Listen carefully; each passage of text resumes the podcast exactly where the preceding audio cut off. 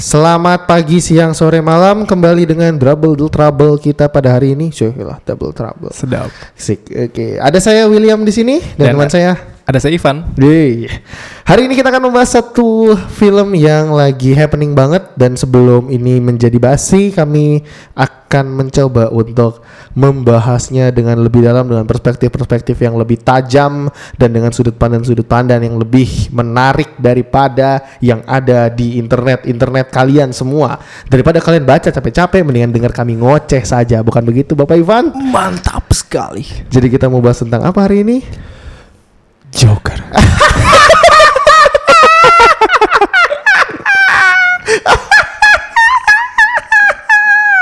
Udah mirip belum? Gua ketawa. Hah, capek. Gila susah ternyata ketawa kayak gitu ya. Oke, baiklah. Jadi kita akan bahas tentang Joker hari ini. Eh, nonton berapa kali, Pan? Eh, baru satu. Baru satu kali. Baru satu. Ya, kita jadi take ini di hari Minggu. Eh, gua nonton hari Rabu. Jadi hari pertama keluar eh, itu tidak terencana juga tadi mau hari Kamis, tapi ternyata akhirnya nontonnya hari Rabu. Dan gue terganggu karena ada anak kecil di dalam. iya, gue nggak paham kenapa bisa ada anak kecil di dalam itu gimana sih tukang bioskopnya. Aduh. Eh, so far gimana, Van? Asik sih. Asik ya? Asik sih karena em, Sesuai ekspektasi nggak? wah parah sih. Jadi sangat-sangat bahkan kalau boleh bilang melebihi Oh melebihi. melebihi ekspektasi karena kan selama ini yang kita tahu DC film ya kan ini DC kan film, tokonya karakternya DC film ya Oke. nah yang kita tahu DC film itu kan ya dibilang dark tapi tidak kena lah kan Mhm. kentang lah kena tanggung gitu Iya, kan iya. nah ini dengar-dengar rumornya karakter ini pengen dibuat benar-benar full buat Oscar. Wow, berarti total Oh, dong. iya, total. Oh, pas masuk, lihat, nonton, pulang, langsung gue berpikir, Joker ini benar-benar keren abis. Ini adalah bentuk-bentuk orang baik yang tersakiti. Sedap kayak orang-orang Twitter. Oh ini ini kayak iya iya kayak Yang meme-meme meme yang gitu, ya. Eh, memenya tuh ada poster eh, Joker di Iya. XX1 terus Pakai eh, ada tulisan. orang cewek ya Iya. kan pegang-pegang ini terus di atasnya ada tulisan kalau lu miskin dibully jadi Joker, kalau lu kaya dimiskin jadi Batman. Iya, Anjir itu goblok banget sih sebenarnya. Tapi somehow itu menjadi bisa dipahami setelah Yes. lu setelah lu nonton ya. So, Oscar Ini harus goes sih. to Eh, ini harusnya dapat. Dan Joko Anwar pun bilang hal yang sama. Joko Anwar dia bilang eh, eksklusif. Dia bilang kalau ini nggak dapat jo nggak dapat Joker ini nggak dapat eh, piala Oscar. Orang gila berarti jurinya udah gila. Udah Iya. nggak waras berarti. nah kalau dari lu sendiri gimana setelah nonton nih? Ih, gua tuh, aduh, eh gua mau masang ekspektasi gua sangat tinggi karena memang eh, dari publikasinya ya, dari publikasinya gua ngeliat DC itu adalah walaupun ini bukan DC EU ya, Yes. jadi DC itu adalah satu studio yang gak kayak Marvel. Marvel tuh kalau lu punya film apa pun bentuknya, dia yakin aja publikasinya. Nah, tapi ini ke DC ini kalau dia nggak yakin sama filmnya, publikasinya biasanya biasa aja Ya. kalau gue perhatiin ya dari Batman vs Superman dan Justice League itu menurut gue publikasinya biasa aja. Kelihatan banget dari awal mereka nggak yakin sama film ini. Tapi beda banget ketika Aquaman.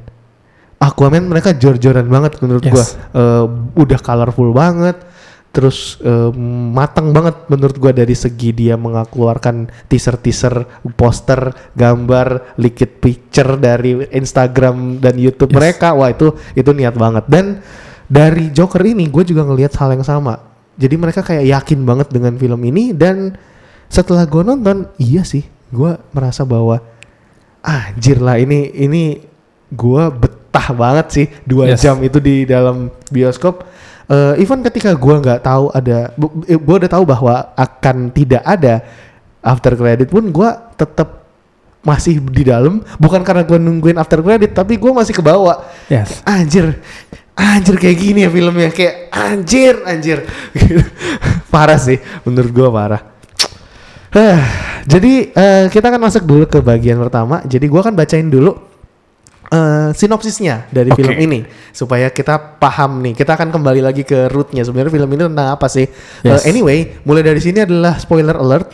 Jadi kalau lo yang belum nonton mendingan lo nonton dulu. Yes. baru nanti lanjut lagi dengerin podcast ini. Kalau misalnya lo nggak mau merasa terganggu dengan kita ya, walaupun gue tetap merasa seandainya lo tahu ceritanya, oh, vibe-nya tetap beda sih ketika Yes, lo nonton antara sendiri. nonton sendiri sih. Lo akan ngerasain apa yang kita rasain yang mungkin nggak bisa tersampaikan dengan sangat gamblang di sini gitu. Jadi menurut gua ngambilin dari XXI, XXI apa XX1 sih ngomongnya? Nggak tahu gue. Oke. Ah ya pokoknya itulah ya lo tau lah ya. Pokoknya ada XX1. Nah itu satunya baca I atau enggak gua nggak ngerti. Dia memberikan sinopsis seperti ini. Joker adalah kisah eh, film Joker adalah kisah asli Joker yang belum pernah ada sebelumnya di layar lebar. Berkisah tentang sosok komedian gagal Arthur Fleck yang dimainkan Joaquin Phoenix, pria yang diabaikan oleh masyarakat dan berubah menjadi penjahat. Itu dua kalimat yang Sangat merangkum sih. Iya menggambarkan sekali. merangkum sih sebenarnya. Ya, jadi eh pihak-pihak yang terlibat dalam film ini, ya gue nggak banyak banyak banget pasti, tapi gue kasih tahu beberapa yang inti aja ya. Eh produsernya, eh, sutradaranya dulu. Sutradaranya adalah Todd Phillips. Todd Phillips ini adalah orang yang ada di balik trilogi Hangover, ya itu film yang juga sangat menarik menurut gue. Hangover, eh, film yang mempopulerkan Bradley Cooper dan Bradley Cooper ini ada di kursi produser. Jadi produsernya adalah Todd Phillips sendiri, jadi merangkap sebagai sutradara, Bradley Cooper sebagai co-producer dan juga ada Emma Tillinger Koskov. Nah, tadinya, tadinya itu sebenarnya produsernya bukan mereka. Oh gitu. Heeh, tadinya produsernya adalah Martin Scorsese. Oh, Wah, siapa kayak dia? Nah, Martin Scorsese ini adalah orang yang cukup ikonik di film, ya. Dia lumayan banyak bekerja sama dengan artis-artis ternama dan dapat award banyak, tapi yang mungkin orang ngeh atau apa ya? eh menyadari dia sebagai orang yang terkenal di perfilman adalah ketika dia bekerja sama dengan Leonardo DiCaprio. Jadi eh, dia ini bisa bekerja sama dengan Leonardo DiCaprio dan menaikkan nama Leonardo DiCaprio itu di beberapa film terutama Wolf of Wall Wall Street Oh, oke. itu ikonik banget kan yang akhirnya di tiga film yang ada di eh, kerja sama mereka berdua Gangs of New York, The Departed dan Wolf of Wall Street itu Leonardo DiCaprio semuanya dapat nominasi Oscar as Best Actor tapi gak ada yang menang Nominasi ya. Oke. nominasi. Padahal itu selalu dijagokan dia yang menang. Oke. Ternyata nggak dapat dapat. Yang dapat best director malah dia akhirnya. Jadi dia dapat best director di film The Depart The, The, The Departed. Ya. Eh, terus pemeran utamanya menurut gua ada banyak tapi menurut gua ada dua yang ikonik di sini. Dua-duanya adalah aktor sekaliber Oscar. Sih, jadi kita tahu lah ya, memang ini film sepertinya memang ditujukan untuk ke arah sana. Ini persaingan dengan Marvel gua rasa karena eh, mereka bersaing untuk siapa sih yang paling banyak dapat Oscar. Oke. Eh, bukan duit-duitan. DC nggak mau mainin duit-duitan soalnya kayaknya ya. Gua rasa dia mereka udah pasti kalah kayaknya kalau duit-duitan nyerah aja deh gue katanya. Joaquin Phoenix dan Robert De Niro. Joaquin Phoenix yang memainkan peran sebagai Arthur Fleck atau Joker dan Robert De Niro yang akan memainkan peran sebagai Murray Murray. Franklin. Joaquin Phoenix pernah meraih tiga nominasi Academy Award atau Oscar sebagai Best Actor, tapi belum pernah menang. Ya, justru dia punya Grammy Award. Nah bingung gak lo? Grammy Award, jadi award di bidang musik. di untuk peran dia sebagai eh, Johnny Cash, ya di film Walk the Line. Eh, terus dia intinya dia dapat gelar sebagai Best Compilation Soundtrack for Visual Media. Robert De Niro sebaliknya pernah dapat dua kali Oscar. Best Supporting Actor di Godfather Part 2 sama Best Actor di Raging Bull. Raging Bull. Jadi ini emang eh cast-nya mantep. Cast-nya mantep. Kita lihat apakah ceritanya memang semantap cast-nya. sedap. Nah. Eh, Oke, nah eh, gua eh, harus ngasih tahu dulu nih. Ini latar belakang suasananya sebelum nonton ya. Kenapa ekspektasi lo pada pada gede banget? Gue harus mengingatkan bahwa film ini meraih penghargaan tertinggi di eh, Venice International Film Festival Yes. ke-76. Dia dapat penghargaan tertinggi yang namanya Golden Lion Award di tanggal 31 Agustus 2019. Udah gitu, selain itu, come on, ini Joker. Ini super villain kesayangan semua orang menurut gua sih. Even lo adalah Marvel fan fanboy, gua rasa lu tetap akan nungguin Joker sih. Yes. Iya gak sih? Lu, lu Dan- gitu gak sih? Ini adalah salah satu villain yang terkenal. Yap. Kalau yang lain, Superman, sebutin villainnya. Lex Luthor. Lex Luthor, iya. Oke, DC selalu seperti itu. Mhm. Ada villain yang terkenal dan superhero yang terkenal. Jadi kayak uh, dua sisi koin. Iya, iya, iya. Nah, Marvel tidak seperti itu. Iya, nggak terlalu yang Iron Man Ah, saha ah, ah. tuh nggak tahu banyak Iya, kan. Banyak, nah, banyak. Jadi Paling itu yang lu menarik bisa dari- nyebut Mandarin dan yang lain-lain lain-lainnya. lain-lainnya, ya kan? Tuh. Nah ini menarik dari DC Emang karakternya Villainnya juga kuat banget Backgroundnya kuat banget Dan benar-benar pembawaannya tuh benar-benar di develop dengan secara matang Nah Yap. ini gue menurut gue dieksekusi dengan baik nih di film ini Iya, setuju gue. Nah, eh, kemudian ada banyak sekali eh, apa ya? Ketika film ini dimunculkan akan ditayangkan gitu, orang tuh bakal mikir bahwa, hmm, oke, udah banyak Joker yang muncul. Yes Jack Nicholson di Batman-nya Tim Burton, eh, almarhum Heath Ledger Heath Ledger. yang luar biasa, luar biasa, luar biasa dan luar biasa sukses, ya. Salut for him di trilogi Nolan, Yes. ya. Jared Leto. Oke aduh, gua aduh, gua sih pada bilang itu kan Joker terburuk ya, tapi gue sih nggak merasa itu Joker terburuk Ya, itu sih. Dia sial aja sih menurut gua. Another version lah ya Gue bisa bilang another version lah Eh, itu sampai reviewnya gue baca ada yang bilang bahwa eh, Joker ini seperti vokalis 3 30 Seconds to Mars yang sedang memakai baju Halloween. Anjir itu itu jahat banget sih menurut gue. Karena emang adegan dia kan sebenarnya banyak dipotong kan di film Iya, itu. Jadi kayak menurut gue nggak fair juga sih. Yes. Lu dapat mungkin lu dapat skrip yang kacau, lu dapat screen time yang kacau, lu dapat potongan yang sangat kacau. Hmm. Ya kacau aja pokoknya jadinya. Sayang sih menurut gue. Jared Leto tuh soalnya eh, nggak seburuk itu sih di film-film Iya. yang lain menurut gue harusnya bisa dikembangkan dengan lebih baik kalau enggak ya nggak mungkin Sui- Suicide Squad kita ribut kan akhirnya diribut juga sama James Gunn eh, ya udahlah gitu. Dan ada satu lagi uh, Joker yang diperanin itu di dalam uh, serial Gotham. Oh oke serial Gotham. Uh, uh, ya benar benar benar. Jadi dan semuanya sebenarnya selalu membuat orang tuh penasaran. Yes. Siapa sih si kampret ini? Siapa sih si kampret ini? Joker ini kenapa sih bisa seperti ini? Gitu. Nah eh oke gue langsung masuk nanya ke lo Van setelah lo nonton kemudian lo keluar dari bioskop lo jalan di lorong dari kondisi gelap terus keterang impresi pertama lo gimana Iya, Jadi kalau tadi soal film, sekarang soal alurnya ya, ceritanya gitu ya, uh, impresi uh, uh, ceritanya. Iya, Eh, impresi ceritanya atau impresi lu apa lu apa pun lah impresi impresi yang ada di kepala lo. gua ngerasa bahwa semua orang bisa menjadi Joker. Nah, eh, kemungkinan karena gua ngerasa relate ya sama kehidupan atau kondisi gue bisa bilang sorry negara kita saat ini. Oke, mantap. Ya, Wah, bawa- sorry ini ya. sama nih sama gue nih. Gue juga nih. langsung masuk ke situ nih. Gue langsung kayak langsung kebayang gitu. Eh, ih buat teman-teman eh, di sekarang ini ketika, ketika kita bikin podcast ini kita inget bahwa ada banyak kegilaan-kegilaan yang terjadi. Ada demo massal untuk menolak eh, beberapa hal kebijakan pemerintah. Mhm. Terus juga ada juga salah satu gerakan untuk membuat daerah eh, di Indonesia merdeka gitu. Dan Iya. kita kayak banyak banget orang-orang yang bisa dibilang kecewa karena satu hal, kemudian berpikir bahwa oke emang jalan terbaik untuk menghadapi kegilaan ini adalah menjadi gila, gitu Iya. ya. Untuk menghadapi kegilaan ini, ya gue harus gila, gue harus eh, total dan wah, gue ngerasain banget sih. Eh, mulai bahkan dari gue sendiri gue ngerasa em, gue selama ini memperlakukan orang salah gak sih? Terus atau jangan-jangan gue ketika dalam hidup, oh gue kayak ngerasa kadang-kadang gue juga ngerasa relate ada banyak kegilaan-kegilaan yang gue rasakan dan uh semua orang ini bisa menjadi gila seperti Joker.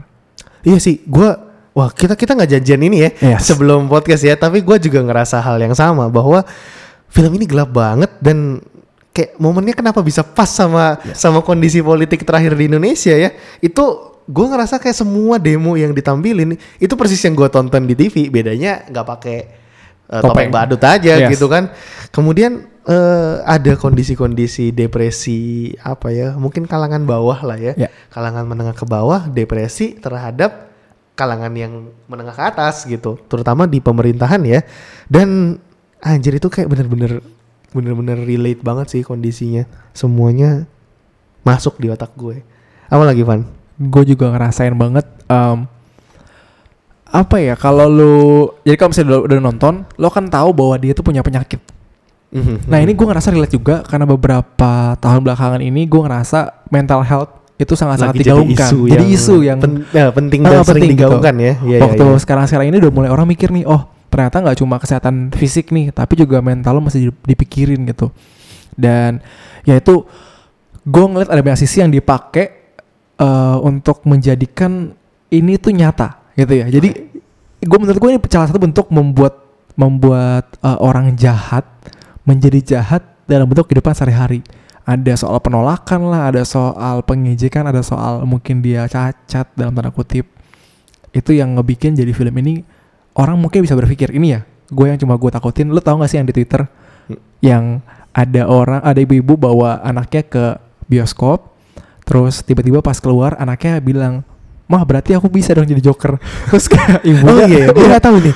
Serius terus loh. ibunya langsung bilang eh, langsung takut eh, jangan jangan jadi joker terus ya anaknya cerita gitu kenapa jadi joker karena kan iya mah karena kan joker tuh kalau misalnya dia kecewa dia marah terus Ah. kan dia jadi pakai dia jadi ini melakukan sesuatu bisa nembak gitu gini men ternyata emang tadi kayak gue bilang di awal joker semua orang bisa jadi joker gitu dan itu yang gue ngerasa bahkan gue nggak tau tapi dalam hati lu ada gak sih waktu keluar itu eh, kayak ngerasa eh ini gue kayak bisa jadi joker juga nih kalau gue ternyata segila itu nggak kuat sama kehidupan kayak gitu-gitu yang gue yang gue ngerasain kayak wah Oh iya, gue gue banget sih. Gue gue kalau gue banget ya, gue Hmm. banget karena eh, ternyata gue merasa si Arthur ini atau Joaquin Phoenix lah, mungkin gue akan bicara sebagai Joaquin Phoenixnya. Nah, Joaquin Phoenix ini gue merasa kayak juru bicara dari semua orang yang mengalami itu. yes Kayak lo sebenarnya mungkin mengalami itu, tapi kalau di Indonesia, kalau di luar mungkin oke lah ya. Eh, kam- campaign tentang mental health, health, mental health ini sangat banyak. Kemudian di Barat lebih terbuka, lo kan bisa ngomong dengan lebih bebas mengenai apa yang lo rasakan. Even bunuh diri pun, buat mereka kayak bunuh diri biasa aja. Tapi di budaya Timur kayak kita gini, eh apa ya? Adalah hal yang tabu gitu loh. Ya. Lu ngomongin ngomongin lu depresi, kayak eh, lu nggak tahu berdepresi itu tolak ukurnya apa udah gitu lu baru bilang aduh gue capek banget kerja gue lelah banget nih dimarah-marahin bos gue gue nyampe rumah dimarahin juga dan sebagainya dibilang namanya juga hidup bro ya padahal lu nggak tahu itu tekanan gitu nah di sini kayak si Joaquin Phoenix tuh menjadi juru bicara lu semua yang menyadarkan lu lagi bahwa kondisi lingkungan lu bisa mengubah lu menjadi seperti itu Iya. loh gitu betul kayak sekali. anjir itu kayak ini ini juru bicara semua orang nih makanya gua nggak kaget ketika di Amerika terutama orang pada takut kan eh, aparat ya aparat di sana tuh pada takut akan terjadi kriminalisasi kriminalitas yang kayak di 2012 waktu Dark Knight Rises karena ada penembakan tuh Iya. Colorado ya nah mereka takut kan akan terjadi seperti itu ya gua bisa paham sih akhirnya dan emang suasana yang lu dapet nanti ketika cobain deh ketika keluar lu inget-inget ya ketika lu masuk bioskop keluar itu nggak ada loh yang kayak animo-animo yang biasa kan orang langsung ngebacot gitu ya saya kayak langsung ngobrol Iya, kan. iya, Ini bioskop gua juga, waktu, iya, iya. waktu keluar gitu di bioskop gua langsung ya udah tenang gitu kayak mikir semuanya Anjir, mikir. atau kalaupun gitu ngobrol kayak oh iya iya iya ya terus kayak ya udah gitu di WC WC tuh kan WC cowok tuh kan kayak orang masuk terus biasanya teman-teman tuh ngobrol kan Heeh. ini gak main hening WC gua hening padahal uriner penuh. Uriner penuh toilet dalam tuh juga penuh. Anjir lah ini ini nggak jelas banget. Tapi mungkin nih ingetin satu hal sih buat buat buat gua. Jadi eh, buat teman-teman yang mungkin udah nonton atau mungkin belum nonton udah nonton dan mungkin pengen nonton lagi kedua kali eh atau lu punya temen yang mau nonton terus nanya ke lo gue menyarankan ketika misalnya lu bisa ngasih saran sih atau warning lah ke dia seandainya mungkin eh orang ini pernah ngalamin bully pernah ngalamin kekerasan di dalam eh, keluarganya dia mendingan siapin mental sebelum nonton. Takutnya nih takutnya takutnya meledak. Kita Yes. nggak pernah tahu gitu. Ini bisa jadi menginspirasi ke hal yang baik atau ke yang buruk? Eh, tergantung orangnya gitu. Jadi satu poin yang gue juga impresi di film ini adalah film ini ambigu banget. Ambigu banget. Kayak dari jalan ceritanya aja ambigu. Eh ini real apa enggak sih? Kan lu bingung kan? Iya. sebenarnya kalau kalau gue ya gue nggak tahu deh kalau lo. Gue sih berharapnya kita punya sudut pandang yang beda nih. Jadi jadi bisa bisa bisa ngomongin sudut pandang masing-masing. Tapi gue ngerasa ini ambigu banget sih. Dari jalan cerita sampai efek yang mau ditimbulkan ke penonton kayak dia ngasih sendiri apa sih yang lu dapat dari film ini? Ya udah. Endingnya just it gitu. Udah terserah gitu. Gue ngerasanya kayak gitu. Makanya orang keluar dengan penuh tanda tanya yang anjir gue gue gimana ya? Gitu. Akan nanya kayak gitu. Gue sih ngerasanya seperti itu. Dan ini di- dan ini membuat jadinya kita ambi- ambigu antara dia baik atau jahat. dia baik atau Ya, jahat. itu dia. Selalu akan sampai situ. bener. Persepsi lu gue nggak tahu sih. Lu ngikutin komik nggak Gue ngikutin tentang juga, Joker ya. Kalau gua gua nggak terlalu ngikutin Joker tapi eh, ketika gua pertama kali mengenal Joker di seri anim, eh, animasinya, animasinya waktu itu yang main yang ngisi suaranya si Mark Hamill tuh, Ya. yang Star Wars apa Luke Skywalker. Skywalker. Nah, itu gua ngerasa emang dia ini super villain aja. Kalau zaman dulu kan emang kayak jelas ya, hitam hitam, putih putih Ya. gitu. Terus di Heath Ledger eh, The Dark Knight, gue emang ngerasa anjir nih Dark Knight ini bukan film Batman, film Joker. Screen time-nya lebih banyak dan emang gue ngerasa Batman itu se- sampai segentar itu ngelawan Joker. Saking gilanya nih si Joker. Jadi gue ngerasa ini emang orang jahat, super jahat sih ini. Tapi begitu di sini persepsi gue berubah sih. Kayak gue ngerasa oh ada sesuatu di balik kegilaan orang ini. Gitu. Apalagi eh, buat gue build up ceritanya bagus banget. Dari awal menceritakan siapa si Arthur eh, sampai akhirnya persona dari Joker itu muncul dan tidak bisa ditahan lagi. Itu semua jelas sih. Rapih banget menurut gua. Musiknya juga oke, musiknya Yes. dukung banget. Eh, momen-momen creepy-nya dapet menurut gua itu harusnya gue sih merasa ini musiknya penata musiknya harusnya juga bisa masuk ke Oscar sih. Ini ini Hmm. ini menurut gue ya karena gue basicnya ada di musik kan. Jadi gue ngerasa kayak anjir ini ini gila sih menurut gue secara scoring ini ini gila. Yes. kalau gue ngerasa gitu. Apalagi Van? Um, tentang impresi lo. Alur sih alurnya sangat sangat sangat eh, kalau tadi ngomongin eh, cerita kontennya ini gue mau bahas soal yang tadi dari eh, bawa ada kan ada mood ya ada mood Oke, yang dibawa. Mood yang dibawa. Plot twistnya dapet. Itu yang gue rasain. Wah plot itu plot twistnya sangat plot twistnya ih, itu gila sih menurut dapet. nggak ketebak lo gue ceritanya dari awal sampai habis. Ya ini karena tadi udah dibilang ini ada ajang buat spoiler jadi gue kupas satu-satu ya. Jadi Yo, eh. eh, kan si Eh, ntar gue gue mau nyambungin satu lagi. Apa tuh? Gue jadi keinget masalah plot twist dan dan tadi demo-demo. Eh, kalau ini kalau film ini lu mau tawarin ke anak STM, mending gue jangan di jangan di jangan ditawasin deh. Mendingan- jangan, ini, bro. Ini gue rasa Jangan, bro. gue rasa akan menginspirasi anak STM untuk bikin Eh. sesuatu yang lebih gila sih menurut gue. Jadi Jangan, jangan bro. kayaknya. Jangan, bro. Anjir, gue tiba-tiba kena keinget anak STM gitu Jangan. tiba-tiba. Ya, gitu. Oke, lanjut.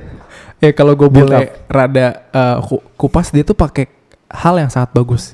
Eh, si Arthur ini digambarkan meskipun dalam keadaan yang eh, mentalnya kurang, gitu ya, cacat mental, mental health kurang gitu ya. Ada ada apa kelainan otak ya, yang dia membuat sehingga Iya, ketika dia dalam kondisi sesuatu yang Kayak nervous, nervous gugup. atau gugup atau Oh. marah atau apa pun itu, justru dia malah ketawa. Hmm.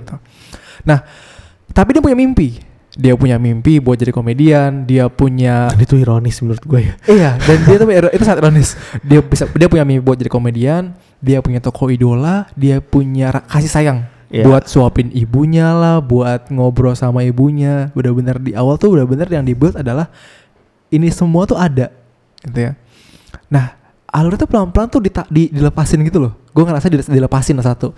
Kayak dia yang kayak gitu tuh bener-bener gak punya apa-apa lagi dari sisi yang uh, komedian mimpinya tuh dihancurin Gagal, iya. gagal gara-gara itu dia nggak lucu dibilang kata orang-orang dari sisi idola yang dia ngerasa idolanya itu segalanya Iya. ternyata malah Kan kayak father malah menurut gue lebih ke father yes karena dia, issue gitu gak sih? dia ngerasa itu kan kayak pengganti Papahnya gitu ya, bapaknya, ya. Gue juga ngerasa gitu kayak dia dia pengen ini jadi bapaknya gitu loh. yes dan ketika itu ada idola gua idola gua ada nih yang gua suka gitu benar-benar gua suka. Itu ternyata malah eh, mocking maksudnya malah menjadi Iya dia iya iya. Menghina dia akhirnya. terus eh, dari sisi kerjaan juga yang menurut dia karirnya tuh bisa bagus bisa oke bisa fine ternyata ya ternyata teman-temannya sekampret itu buat Mm, mm, jahatin dia. Dan akhirnya ya dia ca- dia cabut.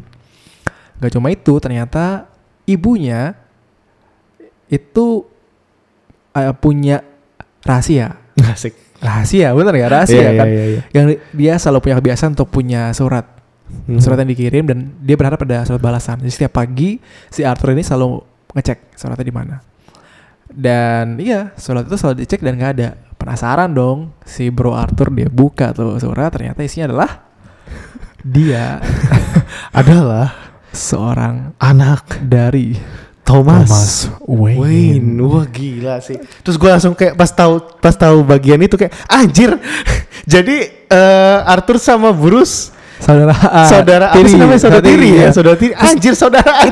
itu gue langsung di detik itu langsung gue mikir ini referensinya ke komik yang mana gitu ada ada ada di universe yang mana di mana gitu Oh kan iya, ada, di, ada di gitu earth ya? yang mana gitu Heeh. ini kayaknya ada nggak ya ada nggak gitu kan kayak tapi kan banyak gitu ya terus udah tuh di, dijalanin dan ternyata ya kita sama-sama tahu ya kita kita udah tahu pas endingnya ternyata itu semua adalah Delusinya, Delusinya. dia gitu kan. lu bayangin seorang anak yang udah kehilangan figur idolanya berharap itu dia akan jadi itu akan jadi papahnya ternyata bukan gitu ya terus ketika itu udah hancur dia ketemu di harapan baru nih eh ada ayah kandung gua sampai dia bela-belain buat datang ke mansionnya Wayne Iya. dia bela-belain buat ketemu dan ke WC ya gue masih ingat banget ketika ada di apa kayak opera gitu ya gua di opera iya ada pertunjukan, pertunjukan gitu opera gitu eh, dia sampai bela-belain ke WC terus kayak ngobrol eh lu inget gua nggak gitu kan kayak Heeh. lu siapa gini Nah itu gua gua sebenarnya tuh takut juga tuh di kayak gua gak ketebak nih itu scene itu bakal kayak apa. Iya. Karena gua nggak tahu ini sebenarnya yang lagi ngomong sama Thomas itu Arthur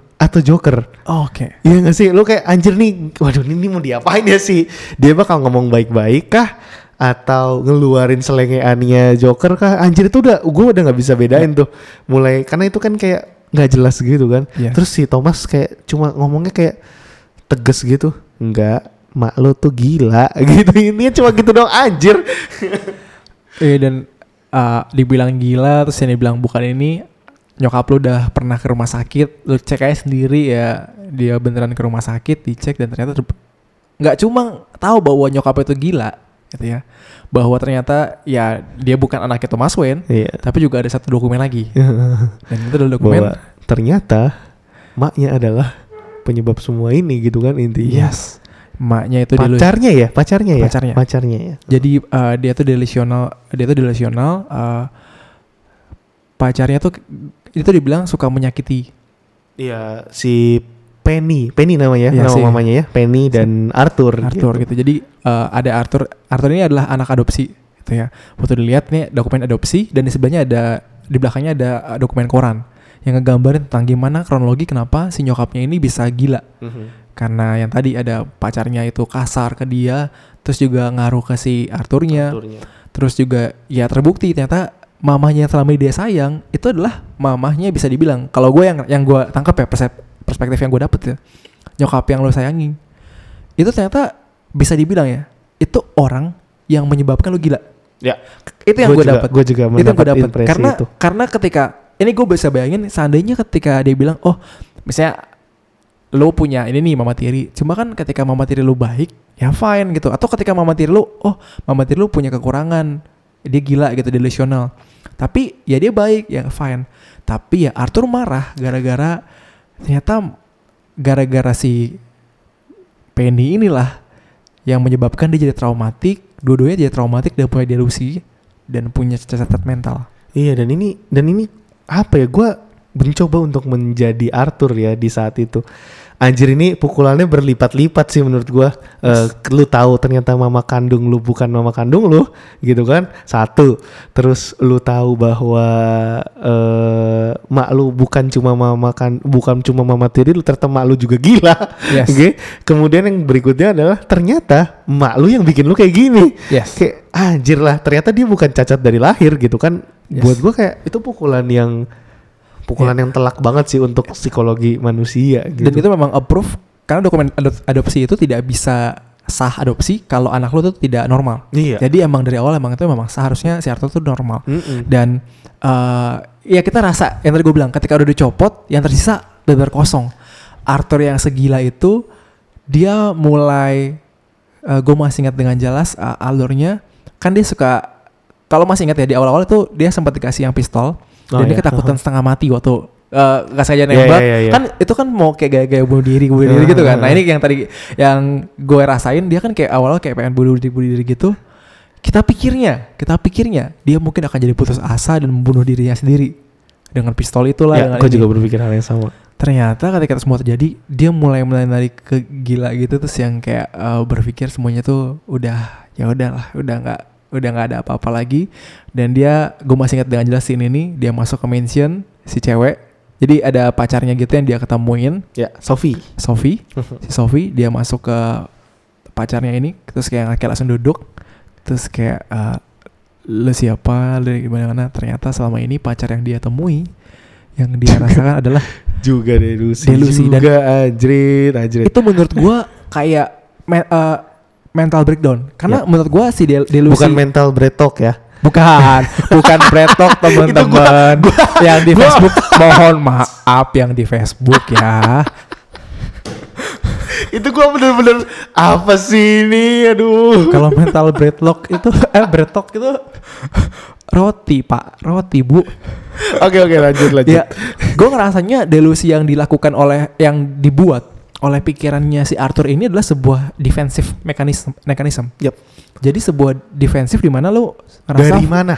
Eh, dari apa defensive mechanism? Dia- dari apa kalau menurut lo? Kalau menurut gue dari sisi eh, tekanan kerjaan sama tekanan eh, kehidupan. Hmm. dia ngerasa nggak ada yang ngertiin dia kan? Dan dia mencoba berpikir tiba-tiba teng gitu. Dia dia kayak menemukan sosok, sosok cewek yang selalu nemenin dia yang senyum ke dia lah yang ngajak ngobrol dia yang bahkan ngerasa bahwa dia lucu ketika dia bawa ke satu pentas stand up. Kan dia stand up gitu dia perform. Dan cuma dia yang bilang ketika abis eh lu lucu loh gitu kan. Hmm. oh dia menurut gue itu sebuah delusi yang membuat dia tuh ngerasa fine dengan hidupnya.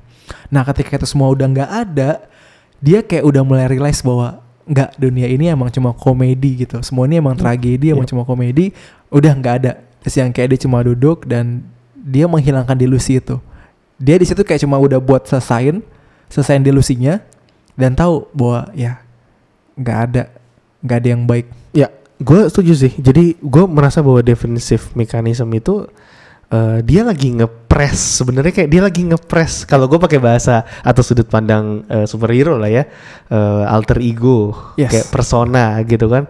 Eh, setiap orang punya, setiap jagoan tuh atau villain itu punya minimal dua persona gitu. Eh, persona dirinya sendiri dan persona yang ingin ditampilkan di orang entah itu dia villain atau dia superhero gitu Tony Stark Iron Man Peter Parker Spider-Man Arthur Fleck Joker gitu. Jadi dia kayak berusaha menahan si si persona si Jokernya sebenarnya supaya nggak take overnya dia gitu. Dia berusaha untuk terlihat baik-baik saja. Eh walaupun itu sangat membuat gue miris sih. Ya. Gue ada satu scene yang gue bener-bener pengen nangis ketika dia kayak berusaha untuk nahan ketawanya. Dia udah ketawa jadi Ya. dia ketawa mati-matian di subway itu ya yang sebelum dia Yes. bunuh. Dia udah ketawa mati-matian eh dan dia eh sorry dia udah nahan ketawanya mati-matian.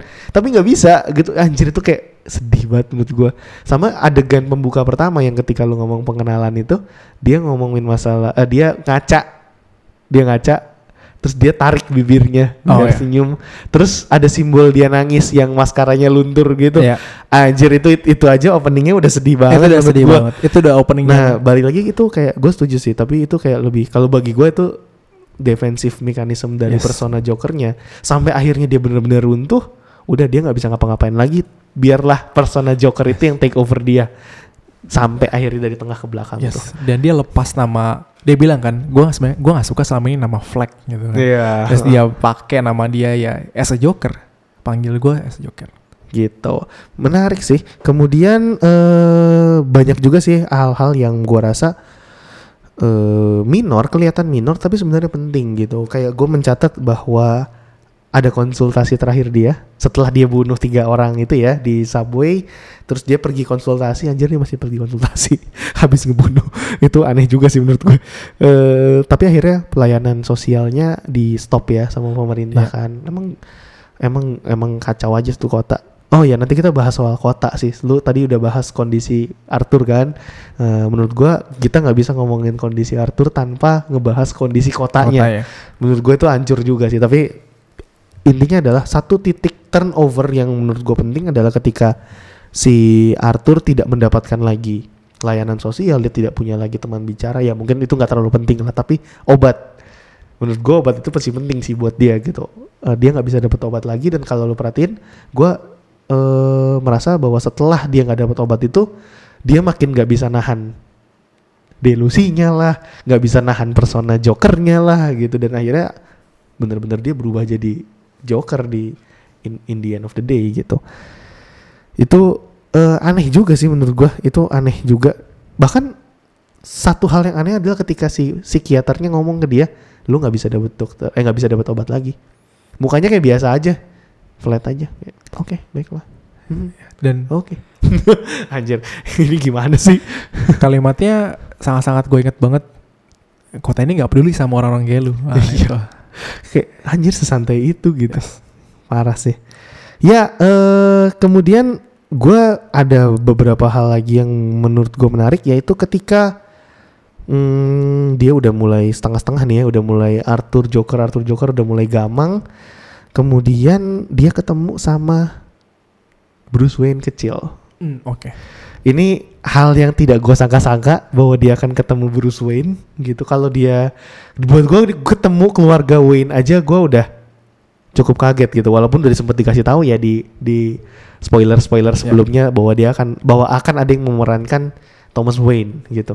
Tapi bertemu dengan Bruce Wayne dan Bruce Wayne yang masih sekecil itu kayak anjir Bruce Wayne masih sekecil itu gitu. Eh apa ya?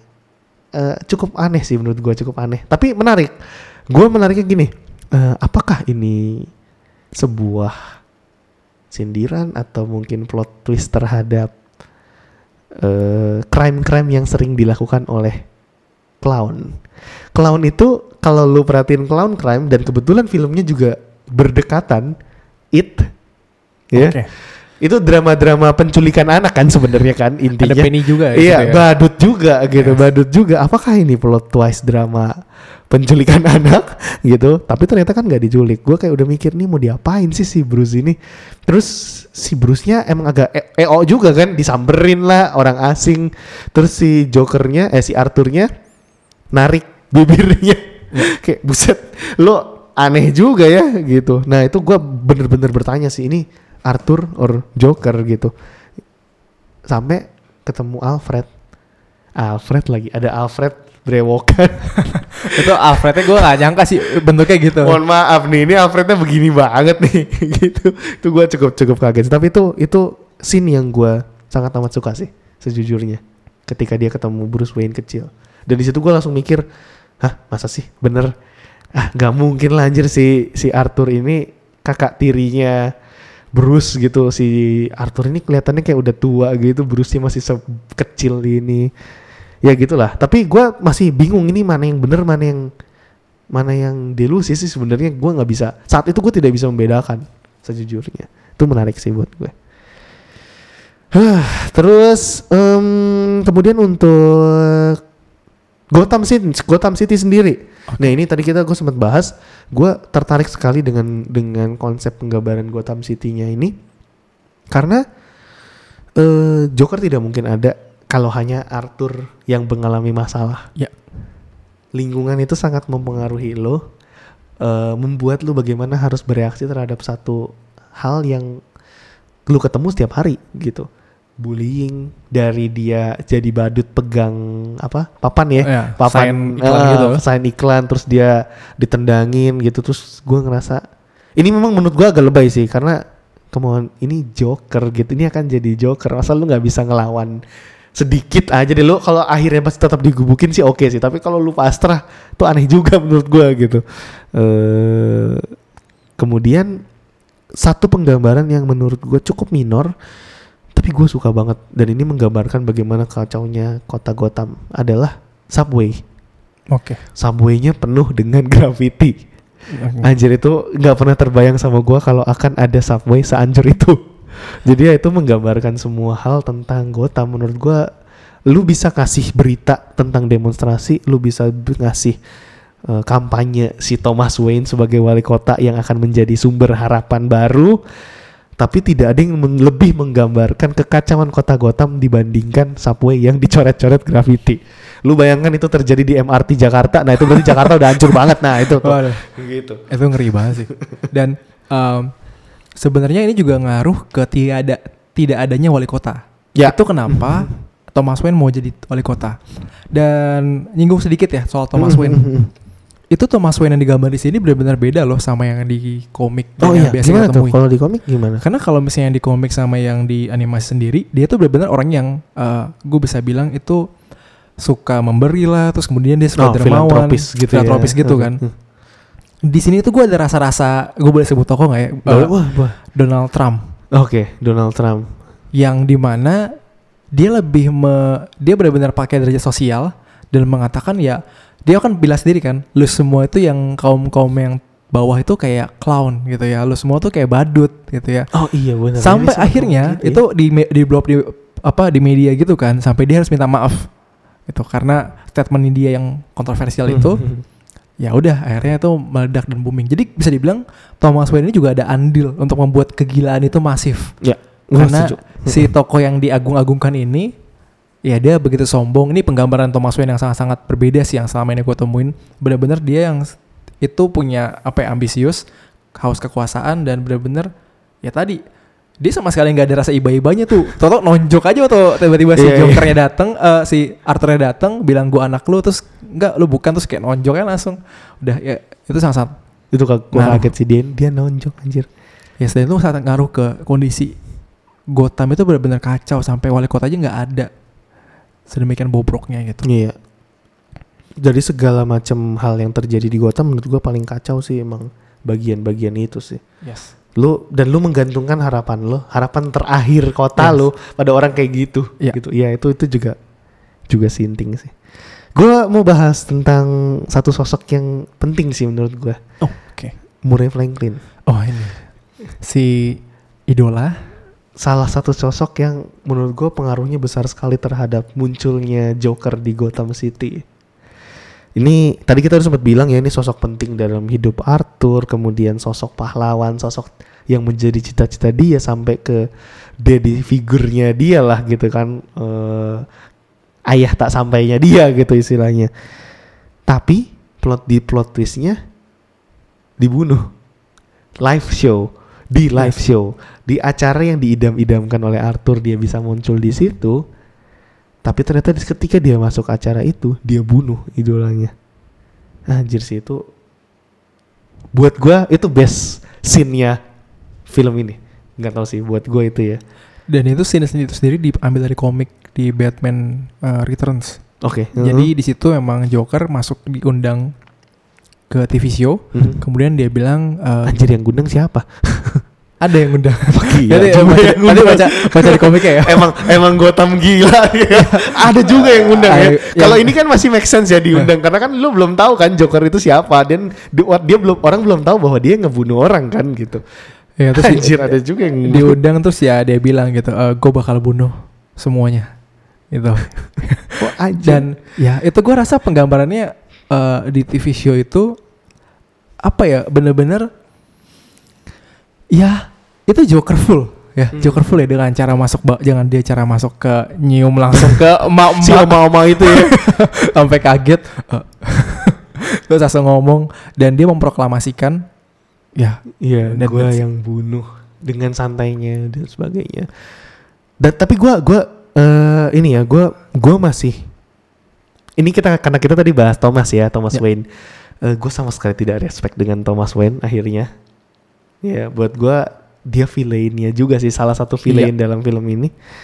Tapi gue masih respect dengan Murray. Kenapa? Eh gue ngerasa ketika dia udah memproklam Joker sudah mempro- memproklamirkan gue yang bunuh nih tiga orang ini karena gue merasa bahwa eh ya udah gue di dilupakan oleh lingkungan gue gue diinjak-injak sama lingkungan gue dan semua ini membuktikan bahwa gue bisa melawan dan lihat gerakan-gerakan yang ada sekarang. Kita bisa ngelawan. Terus kalau lu perhatiin produser di belakang tirai itu udah suruh stop. Ya, ya sudah- kan? sudah udah cut cut cut cut. Tapi Murray masih berusaha untuk me- Menggali, menerima. ya. Menggali dan dan menerima si Arthur. Coba ngomong lagi ngomong lagi Iya. ngomong lagi. Gali terus menempatkan diri sebagai orang yang selama ini mungkin nggak didapatkan oleh Arthur. Arthur tuh butuh orang yang mengerti dia yang minimal deh kalaupun lo nggak bisa ngerti mendengarkan dia. Dan itu sebenarnya di- dia dapat di saat itu di dalam diri Murray dan Murray itu berusaha untuk menggali itu. Gue nggak tahu apakah itu emang buat rating atau emang Murray Ya. secara pribadi emang pengen kenal si Arthur lebih dalam lagi gitu.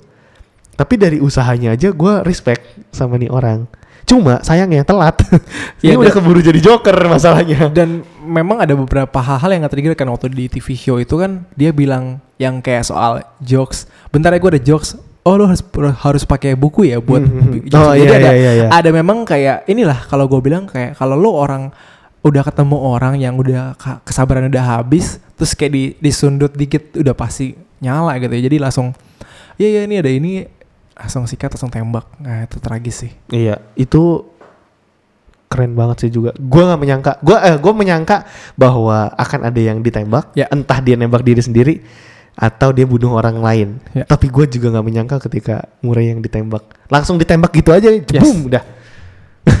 Lu, gua kasihan sama oma- oma-oma itu sih sebenarnya. Abis dicium terus dia shock, anjir. Abis itu dia lari aja. Jokernya kabur aja, ketangkep lagi kan Ya. akhirnya. Wah gila sih. eh sampai ke ending. Nah ending gimana nih Van? Ending yang dia masuk ke RSJ. Eh, dia dia di RSJ terus konsultasi again, konsultasi lagi, terus dia eh, bilang kalau udahlah, gua nggak usah cerita. Lu nggak ngerti, lu nggak bakal ngerti. Yes. Terus keluar telapak kakinya darah. Yes, ini juga mungkin gua rada sambungin sama yang Heath Ledger pernah bilang ke ke Batman. Jadi Heath Ledger selalu bilang gini dalam masa Jokernya. Gue ini orang freak dan Batman juga orang Oh, freak. Oke. Nah. itu pas pas mereka lagi ngobrol di meja gitu kan. Pas di meja yang katanya eh, ituin pala ke, ke meja ya. Gue Iya, iya, gua, iya, iya. seingat gue ada scene itu kan. ya. Itu Joker ketangkep pertama kayaknya. Iya, Joker Di- ketangkep di- pertama. Di film itu. Dan eh, si gue ngerasa ini juga esensi yang ditimbulin gitu. Eh bahwa Joker ini ya gak ada bakal ada orang yang yang pernah ngerti Mhm. Jadi ini kalau gue boleh pakai kalimat ya, ini ini rada konten rada bahaya ya kalimat Oke. gua karena Oke. gini, nggak karena suka dipakai ya, Perhatikan baik-baik guys. Nggak- Jangan dipotong ya guys nggak ya. nggak akan ada orang yang pernah ngertiin lu karena mereka nggak pernah ngalamin. Nah itu yang kalian yang itu yang gua rasa pe- vibrasi itu yang pengen didapetin bener-bener yang gua- sedark itu. Oke, ini gue relate sama somehow gue langsung teng sama Nagato tau gak sih lo? Oke. Nagato, Naruto, ya Naruto, Nagato di Nagato di series Naruto kan dia Oke. menamakan dirinya pain kan, Yes. karena lo tidak akan bisa mengerti sesama lo kalau lo nggak bisa merasakan sakit, Sakit yang ya. sama. Yes. Gitu, iya ini gue setuju sih. Ini salah satu hal yang logik banget sih Yes, dan gue. dan kalau masih ingat sebelum itu ada scene ini scene cameo. Oh, iya, Scene-nya siapa tuh? Bruce Wayne. Bruce, Bruce Ah, Wayne. jadi sebelum ini tuh ada scene-nya Bruce Wayne juga yang di mana kan kalau nggak salah ditangkep, ditangkep dulu nih. Terus ada mobil cedar, terus yang dia dikeluarin terus nari-nari. Kekacauan itu menjadikan ada orang yang pengen bunuh si Thomas Wayne. Gue inget, iya iya iya iya. Pengen bunuh. Ah ini btw gue seneng banget karena sini sama persis kayak di Batman Begins. Iya iya iya benar Jadi benar. ada yang ditembak, jedar jedar jedar, terus langsung Kalung, ditarik iya, kalungnya pun kalung. sama, kalung mutiara ditarik. Dan Bruce Wayne di situ ya ngeliatin Kayak cuma diem aja ya, Yes. diem, bingung harus berbuat apa dan itu pasti traumatik Itu yang, yang- dalam juga sih. dia jadi ya gue yakin jadi traumatik dan itu pemicu buat nanti dia bakal jadi ke Batman dan ya, ini tadi kalau balik lagi yang soal ini eh dia kayak ngerasa ya udah lu nggak bakal bisa ngerasain apa yang gue rasain gue cuma ngomong ya udah sekedar ngomong nah ya kan gue bilang ini konten bahaya banget karena ini bisa relate sama orang-orang yang ngerasa ya udahlah nggak nggak penting buat dengan orang lain gitu. dan kalau lo tahu di endingnya kan ada telapak apa Telapak cap kaki yang berdarah iya. dan itu memang ya pada endingnya tuh dibunuh sih jadi gua udah coba Oh, eh, menurut lu dibunuh ya? gua gua sih Ah, oke. dan gua coba cari beberapa pengamat pengamat gitu ya yang udah bikin eh, artikelnya dibunuh sih dengan asumsi dia ngerasa bahwa emang gak ada lagi yang bisa nyelamatin dia. Iya, udah door. Dan dia langsung kayak nari-nari. Gue senang banget sih itu eh, detailnya tuh bagus. Ya, detailnya bagus banget. Dia nggak mesti eksplisit dengan cap lapak darah terus kemudian sambil dikejar-kejar kan di RSJ itu Iya, masih iya. ditangkap kan. gue bagian itu gue eh, suka dengan warnanya. Oke. Ini mengingatkan gue akan The Raid 2. Oh, Oke. Jadi eh, itu kontroversi sebenarnya ketika si Yayan Ruhian itu dibunuh di situ dan di Jakarta ada salju kalau lo ingat. Terus alasan sutradaranya kenapa lo bikin Jakarta ada salju? Karena darah akan sangat terlihat manis ketika disandingkan dengan warna putih. Putih. Kayak gue langsung teringat itu kayak anjir iya bener sih telapak kaki itu kecil darahnya nggak terlalu yang bleber gimana banget tapi ketika warnanya putih itu kan putih doff gitu ya kayak anjir ini bagus banget sih ini nih warnanya Dan dan btw nama si yang ini gara-gara ngomongin soal terapis-terapis ini, nama terapisnya sendiri itu diambil dari nama Bob Ken. Oh, Bob, oke. Bob Kane who, ini who is that adalah salah satu pembuat Joker. oh oke Jadi nama inisial Ken-nya eh, itu diambil dari Bo- nama Bob Ken. Hmm, Dan itu oke. kayak dia ngegambarin bahwa Stanley-nya Joker lah ya ya dia kreatornya. Jadi Aha. gitu kayak ngegambarin ya kreator yang terus bersama dan menciptakan ya juga yang sama-sama membuat depresinya ada gitu ya. Iya kan Oh, ya? oke, itu iya, salah iya. satu yang pemicunya ini gitu. Easter eggs ya Iya, itu walaupun film egg. ini stand alone katanya Ya. katanya ya tetap ada Easter eggs-nya ya banyak kan emang easter egg-nya dari film-film luar dan yang lainnya sih nggak nggak dari komik doang sih. Nah, Ya, menarik, menarik. menarik sih. Jadi eh se- ini film kan katanya kan jadi stand alone film ya. Yes. Menurut lo, lo akan menantikan adanya sequel atau nyambung Hmm. ke jagat sinema apalah gitu? Kalau di CU kan udah nggak mungkin, ya kan? Katanya udah dibilang enggak dari awal. Kalau gue ya biarlah dia tetap menjadi stand alone sih. Oh, gue setuju. Kalau gue gue juga setuju. kalau gue biarlah menjadi stand alone karena menurut gue karya yang dipaksakan untuk menjadi tersambung malah jadi jelek. Yap. Gitu ya. Dan- Karena Ya, dan Ya. terbukti DC tidak bagus dalam hal itu kalau menurut gua. Ini sorry DC ya, terbukti DC tidak bagus dalam hal itu. ya karena memang gua rasa ini sudah bagus, udah bagus banget gitu ya. Kalau buat sambungin dan kemudian dia ada lagi karena gini Jokernya itu bukan Joker action. Nah ini juga Ya. gua ngerasa gitu ya. Ya ya ya ya. ya. Kalau Ini si dia expect banyak orang di bioskop loh. Iya. Sebelah gua tuh ngomong ah nggak asik nih film nih. Eh, Come on man, ini ini asik, sih. banget Ini asik banget sih, dengan karena- caranya sendiri. Dengan- Iya, bener banget. bener. Jadi Jokernya itu bukan Joker yang gila dalam tanda kutip itu bener-bener kayak yang action yang punya si Heath Ledger ya. Ya. Kan dia sampai nembak-nembakin, Ngebom, ngebom, iya kan. Penuh dengan ledakan-ledakan Iya, berbudget mahal gitu kan. sesuatu lah buat apa. Nah, tapi ini yang ditunjukin tuh bener-bener ya udah, ini Joker eksis eksis dalam hati setiap orang. Terus ya udah dia mau jadi kekacauan. Jadi yang kayak gua rasanya udahlah ini menurut gua cukup cut standalone dan ini akan menjadi biarkan menjadi sebuah- masterpiece yang akan mendapatkan Oscar. Itu dari gua. So, Ya mendingan standalone aja udah. Nah, eh mengenai Oscar nih, gue juga ngamatin beberapa, ngeliatin ya. Ya gue bukan mengamati film sih, tapi gue ngeliatin beberapa aktor ya cowok gitu ya yang yang masuk ke dalam nominasi Oscar minimal eh, dan peluangnya lebih besar untuk menang. Sebenarnya ini udah ada sih di Joaquin Phoenix. ya.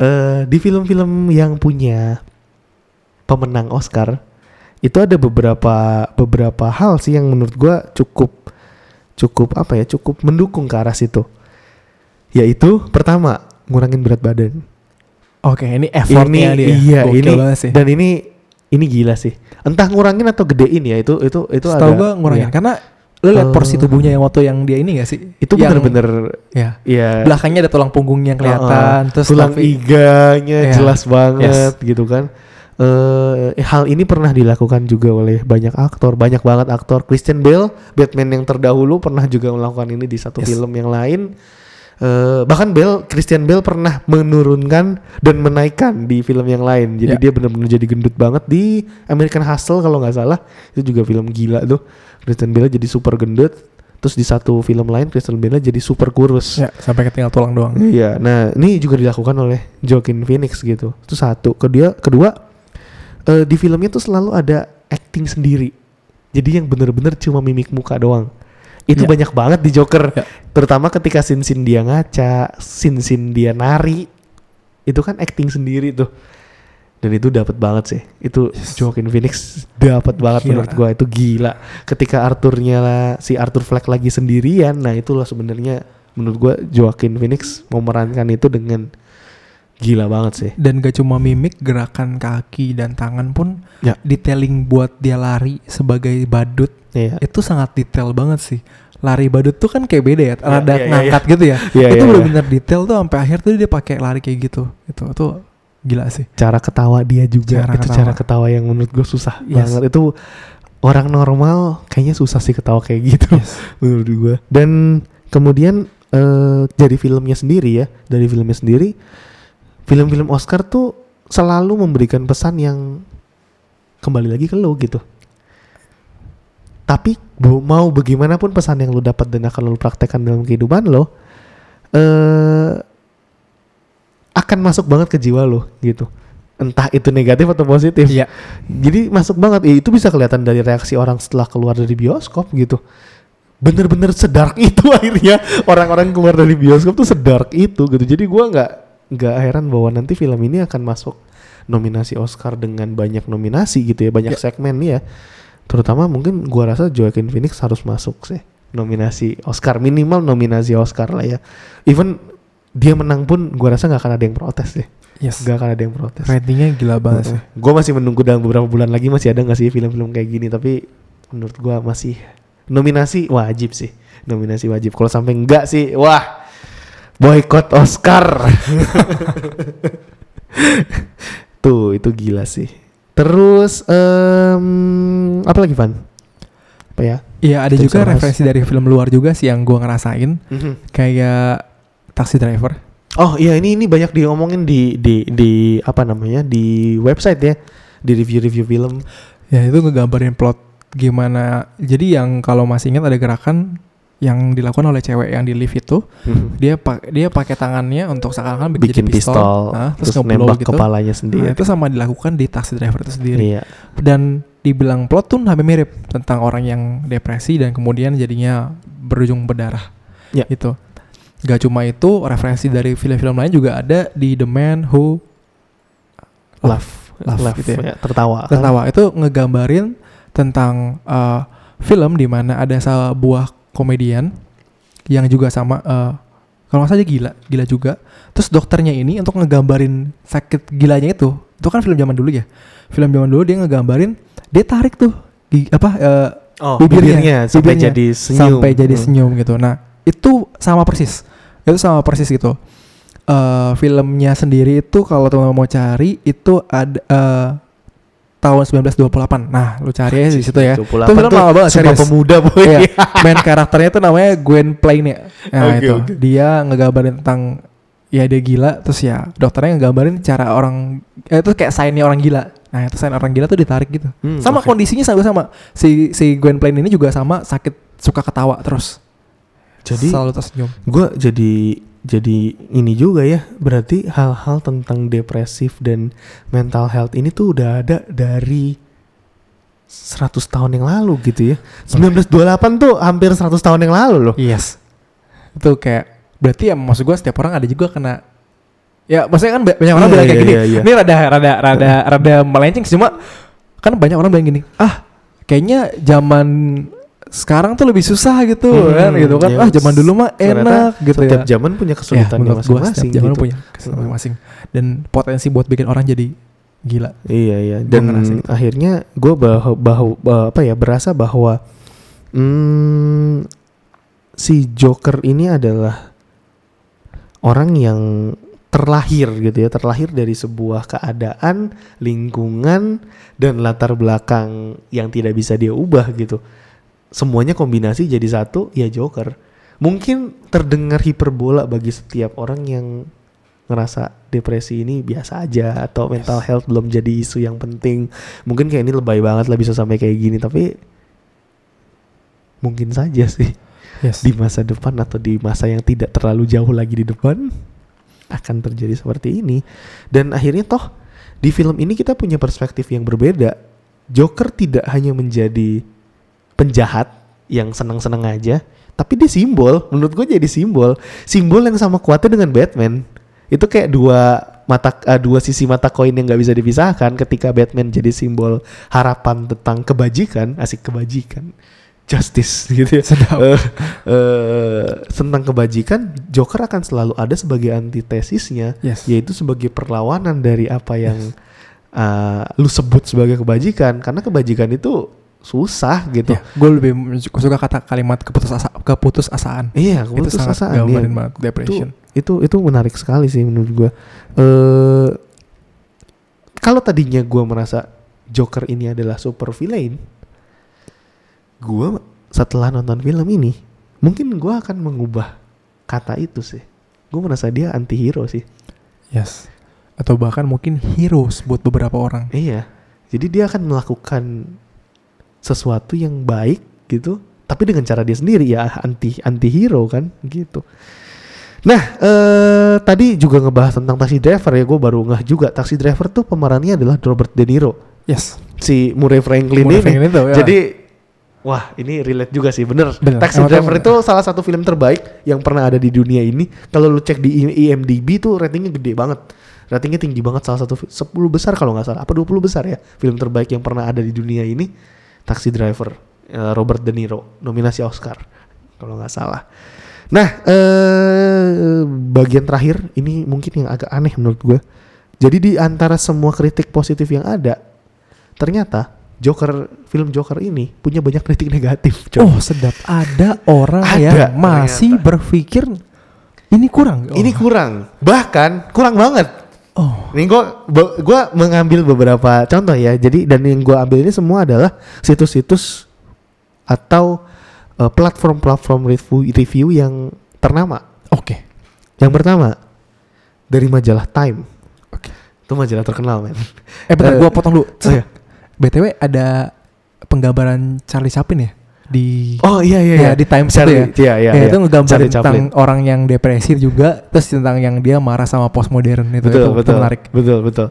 Oke. Itu eh kayaknya lagi emang lagi jadi naik lagi sih. Iya, iya, Karena iya. emang Joker itu kayaknya dan Charlie Chaplin tuh berasal dari root yang sama gitu Yes, loh. yes. Kayaknya simbol perlawanan kan sebenarnya. Yes. Charlie Chaplin tuh kan simbol perlawanan Iya. banget kan. Makanya dia selegend itu sampai sekarang. Ya, balik lagi ke review dari Time. Ini reviewernya namanya Stephanie Jakarek. Oke.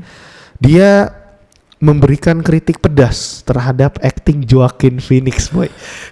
Luar biasa. gua kayak ini kalau terjadi di Indonesia pasti jawaban netizen aja anjir lo lo acting sendiri dah lo mana film lo gitu Ini pasti gitu sama deh. kayak orang-orang yang kritik Iqbal sebagai Dilan. Saya juga nggak suka. Iqbal tuh bagus sebagai Dilan. Dia sudah perfect sebagai kenapa Dilan. nggak Adipati Dolken Kenapa? Hah? gimana tuh kritiknya gimana tuh? kritiknya adalah eh, kata yang dia pakai di Oke. situ adalah over the top Oh, over the top itu bukan berarti lu artiin secara Indonesia di atas maksimal bukan sedap. Bukan. bukan over the top itu adalah istilah untuk lebay dan ekstrim oh oke. Jadi kalau kita ngebetin lebay, eh, di sana ngomongnya over the top. Jadi dianggap terlalu berlebihan dan terlalu ekstrim, sehingga terasa tidak natural sama sekali. Hmm, Terus, nah sebelum oke. lu tanggepin, kemudian dia mengkritik film ini juga karena dianggapnya eh premis kegelapan yang mau ditampilkan itu nggak matang. gimana tuh nggak matang matangnya gimana? gini, eh, dia ngerasa bahwa ini sebenarnya aspek yang sangat besar ditampilkan di awal, tapi kenapa efeknya cuma kayak secara psikologi doang? Oke. Ya, jadi ada banyak aspek ekonomi, ada Ekonomi banyak lah, politik, politik, terus eh, apalagi sosial iya sosial, gitu-gitu lah ya. kemudian eh, kemudian kesehatan Ya. gitu. Kenapa ujung-ujungnya cuma masuk ke Psiko- kesehatan Ya, gitu? cuma ke psikologinya doang gitu ya. eh. Oke. Gua rasa dia kurang baca komik sih. Gua rasa, gua agak kurang setuju sih. Kemudian eh, filosofi yang mau ditampilkan menurut dia adalah filosofi yang murahan dan palsu. Jadi eh, dia ngerasa bahwa ya ini gerakan gerakan kalangan bawah melawan gerakan kalangan atas, yaitu di mana aja pasti akan terjadi. Gak ada yang menarik tentang hal itu. Dan penggambarannya terlalu klise. Hmm. Stephanie Jakarek dari majalah Time Kalau dia mau nyantet dia atau mau black mau mau kasih surat kaleng gitu loh email ya boleh lah. Enggak lah. ada satu lagi nih, ini, menarik nih. Ini satu lagi. Sebenarnya ada berapa sih? Tapi gue mungkin ngambil yang parah-parah aja kali ya. Eh dari majalah The Guardian. Majalah itu kayak kompasnya Ya, di kayak kompas. Inggris. Iya, Nah, eh, nama reviewernya ada Peter Bradshaw, orang Inggris, mengatakan bahwa this is the most disappointing film of the year. ini adalah film paling mengecewakan tahun ini. Luar biasa. Luar biasa. Yang dia tonton tuh apa ya? iya, gue juga gak paham. apa sih film yang paling jelek tahun ini? Eh, eh, eh, film superhero mungkin yang jelek tuh tahun ini apa ya? Ada nggak ya? Tapi gimana ceritanya dia bisa bilang ini yang paling mengecewakan Jadi gitu? dia eh dia membukanya dengan memuji acting Joaquin Phoenix. Oh menarik Nah, nih. Oke. Ah. Ya, Biasanya itu emang biasa kalau ya. orang yang mau kritik kita pedas itu di awal diangkat angkat angkat dulu. Oh kamu tuh bagus cuma ah itu kayak gitu. Tahu ya, gitu. dia diangkat angkat dulu gitu. Eh terus dia mengkritik tapi dia mengkritik skripnya. Oke. Jadi naskah filmnya dikritik abis-abisan bahwa dia nggak merasa bahwa motivasi yang dibangun dari awal ini cukup buat si Arthur untuk menjadi Joker. Gitu. Terutama di bagian ketika dia membunuh tiga orang itu dan pergi dengan santainya. Karena dianggap sebenarnya lo dianggap di situ dia masih jadi Arthur. Dan lo membunuh sebagai apa namanya? Membunuh sebagai pembelaan diri. Iya. Tapi kok bisa lo melenggang dengan santainya akhirnya setelah itu? Itu dari mana tuh? Ada kondisi bilang santai itu dari mana? Nah, ada nanti lu baca aja, Oh, baca oke. aja ini ya reviewnya. So- Eh, soalnya kan kalau kita lihat Bradshaw, penggambarannya kan rada justru dia tak ketakutan kan sampai lari gitu ke atas iya. kan. Dia sih nggak bahas tentang detail di situ, tapi dia ininya menyimpulkannya seperti itu. Hmm, Oke oke Eh, oke. kemudian dia juga merasa bahwa Joker tidak punya motivasi yang jelas untuk melancarkan aksi-aksi kriminalnya. Terus menurut gua dia nggak melancarkan aksi kriminal yang gimana banget sih sebenarnya. Eh, eh, dia bunuh teman yang mengkhianati dia, dia bunuh tiga orang untuk melindungi diri, dia juga membunuh, membunuh Murai karena Murai ngejek-ngejek dia dan gitu. membunuh ibunya karena kesal. Eh, iya, kayak menurut gua motivasinya lumayan lumayan oke, oke. ada sih gitu ya. Oke oke. Kemudian eh dia merasa bahwa Joker harusnya punya peran yang lebih besar untuk ending film ini. Gak cuma sebagai pahlawan, mungkin bisa diceritakan sebagai dia eh bener-bener jadi mastermind dalam protes melawan kapitalisme. Kebanyakan nonton film superhero gue rasa. Hmm, gua rasa dia ini deh. Gua rasa dia sebenarnya ini alirannya eh, kiri banget nih. Ini akhirnya sangat-sangat Eh, ini. ya. sosialis komunis banget nih kayaknya nih atau malah agamawi banget lah gua gak ngerti nah ini, ini emang agak-agak gila sih eh terus ada yang ketiga dari IndieWire itu David Herlitz dia ngasih rating C plus untuk C plus siap. Lebih bagus daripada nilai bahasa Inggris gue waktu kuliah. Eh, alasannya adalah sederhana dia merasa bahwa eh, sama skripnya juga kurang kuat. Ini sebenarnya banyak sih yang banyak yang mengkritik skripnya sih sebenarnya. Eh, walaupun gua agak kurang paham ya karena gue bukan orang film. Nanti mungkin teman-teman bisa cek sendiri apa review-review negatif ini. Dan mungkin teman-teman bisa menangkap eh, esensi-esensi yang dia omongkan oleh para para reviewer ini. IndieWire IndieWire ya. David Ehrlich dia menganggap naskahnya kurang bagus kemudian eh, tidak original tidak original. Iya memang tidak tidak original. Itu gua nggak setuju sih. Hmm. karena ini original menurut gua. Apalagi lu mungkin yang orang baca komik ya lu lu tahu dong sebenarnya perbedaannya antara ini dengan versi komik gitu. Jadi harusnya ini original dan lebih membumi. Setahu gua kalau di komik tuh dia jadi Joker karena nyebur kan nyebur ke cairan kan iya gak sih? Tapi ada banyak versi juga. oh ya. ada versi ada juga ya? versi juga sih. Dan kalau ini. dibilang nggak original mungkin karena banyak referensi yang ngambil dari film. Kalau mungkin isu yang tadi eh, murahan, emang gua mungkin bukan murahan ya, gue bisa bilang general. general Cuma diambilnya benar-benar benar-benar bagus sudut pandangnya gitu. Jadi mungkin itu ya mereka ngerasa gitu ya. Oh ini kan biasalah orang depresi tuh biasa berubah jadi Ma- jahat. mungkin Ya gitu sih. Iya gitu deh. Gua juga bingung sih sebenarnya dengan kritik-kritik negatif ini. Tapi intinya gue berusaha untuk ya ini review dari Iya. kita ya. Gue sih subjektif aja apa yang Iya, gue ngerasain. Gue gue bukan orang film gitu. Gue nggak perhatiin banget gimana caranya lo membuat. Yang penting gue dapat esensinya dan esensi itu membuat gue betah selama dua jam nonton. Joaquin Phoenix sih. Joaquin Phoenix adalah 99% alasan gue ada di film itu sih Ber- Yes. betah nonton itu gitu ya maksudnya gue pertamanya meragukan karena pasti akan ditantang sama persepsi orang tentang Jokernya Heath Ledger. Ledger. Sorry ya, Jared Leto, maaf. Oke, Eh, tapi ya gue merasa ini stand out banget sih. Yes. Dan soal skrip tadi ya. Skrip itu gua gua karena gua sama ya, gua juga bukan penulis, Ah, bukan writer. Harus- Jadi ya overall justru yang gua rasain ya bagus gitu ya, bagus gitu. Karena menurut gua film yang bagus adalah film yang punya idealis dan tersampaikan.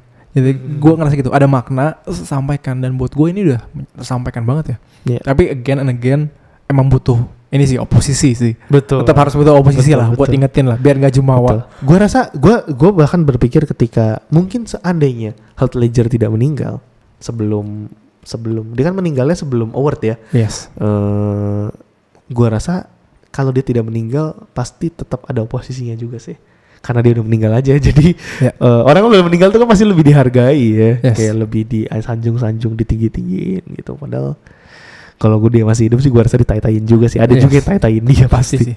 gitu so Joker is no joke menurut gue Yes. ya sekali lagi hati-hati buat teman-teman yang mungkin bertanya kepada lo gimana cara nontonnya atau mesti Ya. gimana siapin aja mentalnya Dan gue mau rada kayak ngasih pesan bukan pesan moral ya. Oke. Gua tapi gue gini. eh men kalau lu sekarang ngerasain apa yang Joker eh sorry Arthur rasain ya. Mm-mm.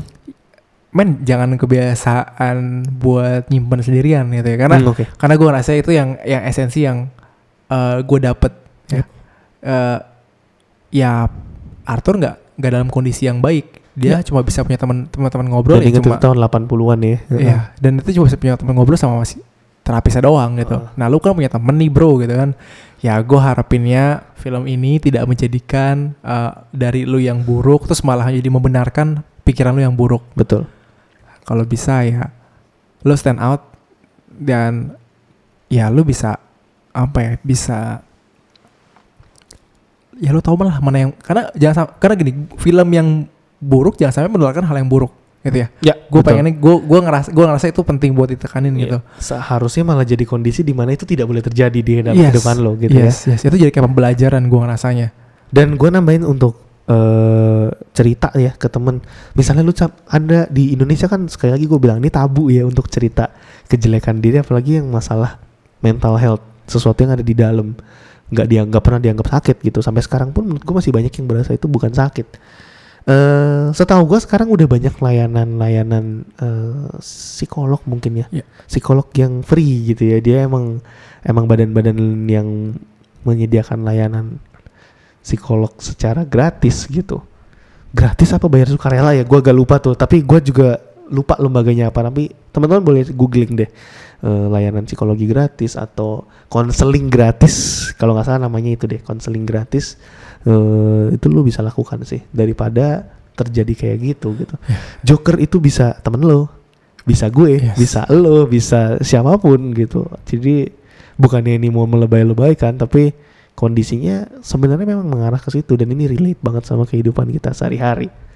Lihat aja demo-demo yang kemarin demo-demo Yes. kemarin sama film ini tuh relate banget. Gua nggak ngerti apa mereka eh, memprediksi kehidupan Indonesia ataukah sebenarnya memang Amerika sedang mengendalikan Indonesia? Anjir gue bikin dari dari konspirasi. Ini sama kayak presiden kita yang diambil dari Hokage Naruto. Wah, iya iya iya. Anjir ya gue lihat. Gila ini bisa aja orang-orang ini. Ya bener sih tapi bener sih dari urutan meninggalnya. Ya. Sama aja. ya tapi gitu dari kita. Ya ya pokoknya jangan tunggu sampai pendiri meledak cari pertolongan eh, jangan malu again again ya belajarlah dari segala hal yang ini filmnya biar ya biar membangun lah hidup lu gitu ya Yes. Setuju sekali. Oke, gua rasa cukup lah. Ini satu jam 13 menit anjir. sebelum jadi podcast kehidupan Lama ya juga ya. Oke. Oke, eh, kita akan ketemu lagi di episode selanjutnya. Siap. Sekian untuk Joker. Gue pengen ketawa tapi susah ya ternyata. Udahlah. Oke, eh saya William pamit. Dan saya Ivan. Kita berdua pamit mundur. Kita akan ketemu di episode selanjutnya. Bye bye. Bye.